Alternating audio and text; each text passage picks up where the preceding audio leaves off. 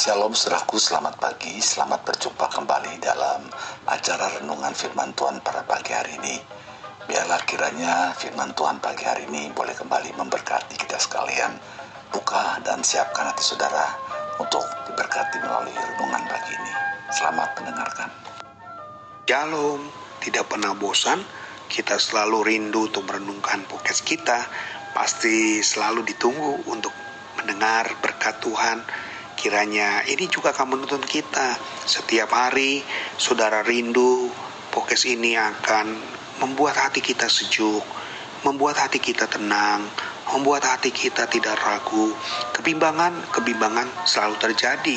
Tetapi kalau sudah serahkan kepada Tuhan, sudah datang kepada Tuhan, sudah bawa kepada Tuhan, maka pekerjaan yang berat pun menjadi ringan.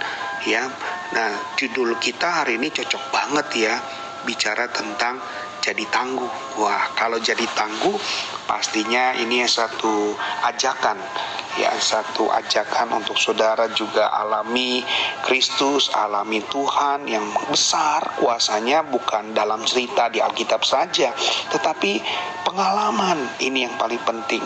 Kenapa butuh pengalaman? Karena pengalaman akan jadi cerita yang indah, saudara.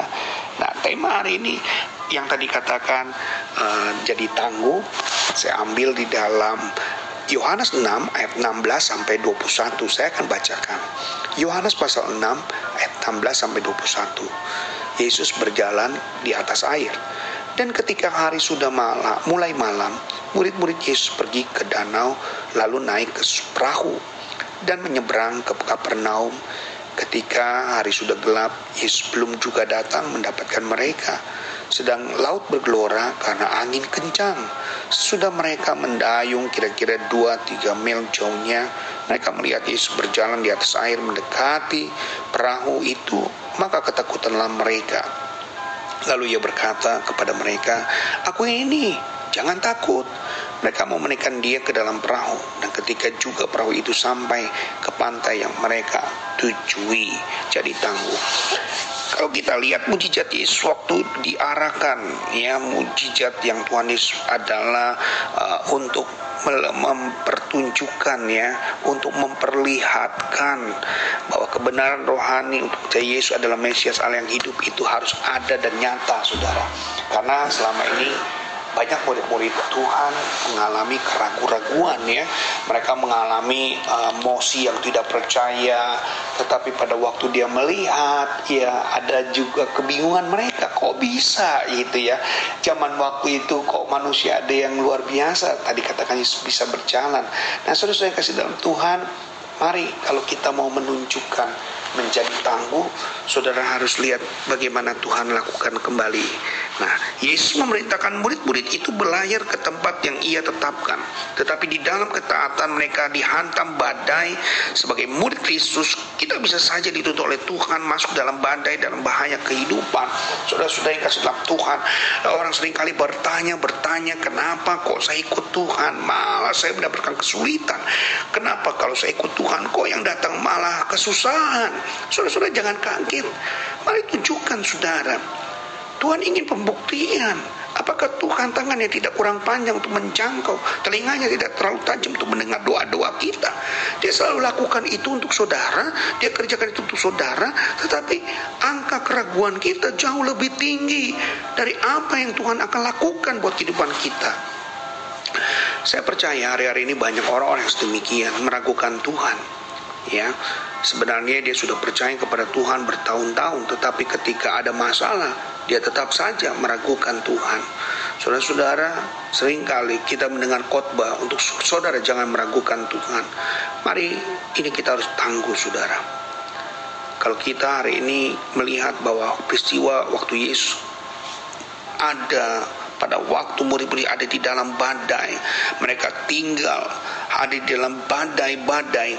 Saudara-saudara, Yesus bukan berdiam diri tanpa melakukan apa-apa dia juga bisa lakukan segala sesuatunya dengan yang terbaik. Dia juga bisa mengatasi semua keraguan-raguan yang ada dalam hidup kita. Sebagaimana mereka mengalami waktu di Markus 6 ayat 48 sudah lihat bagaimana mereka sudah khawatir sekali, takut mati.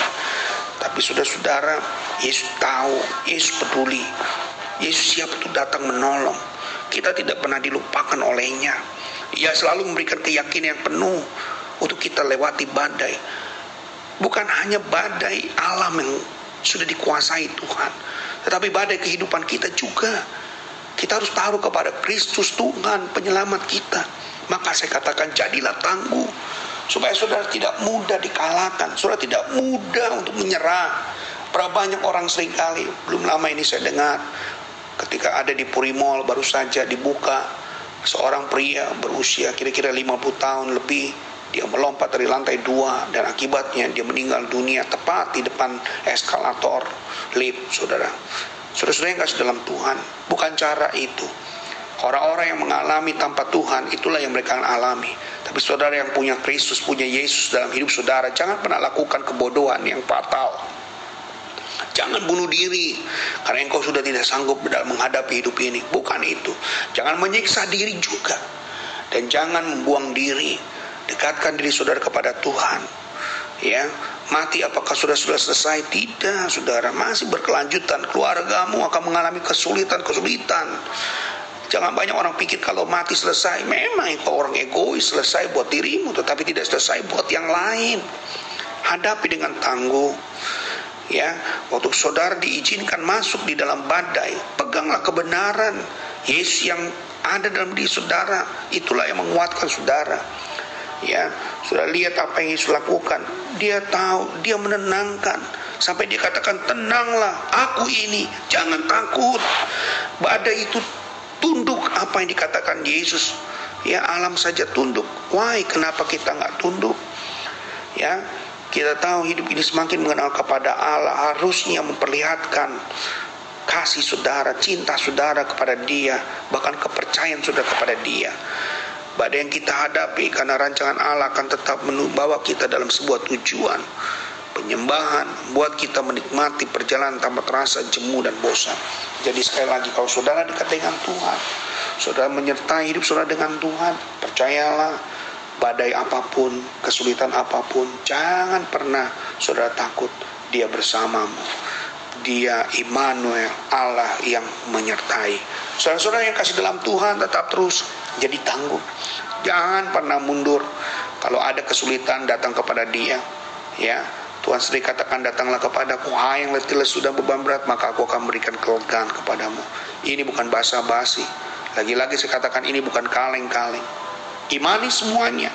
Temanmu yang hari ini sedang dalam keadaan ketakutan kegalauan karena badai hidup yang begitu hebat jangan pernah menyelesaikan sendiri.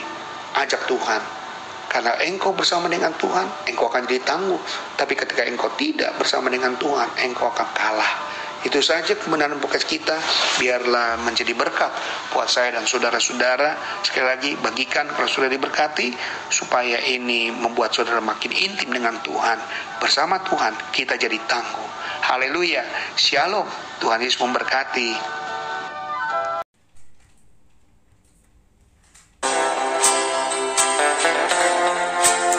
Sampai jumpa esok hari. Kiranya damai sejahtera dari Allah Bapa kecintaan dan kasih karunia Tuhan kita Yesus Kristus, persekutuan serta penghiburan Roh Kudus menyertai kita sekalian mulai hari ini sampai Maranatha Tuhan Yesus datang. Amin.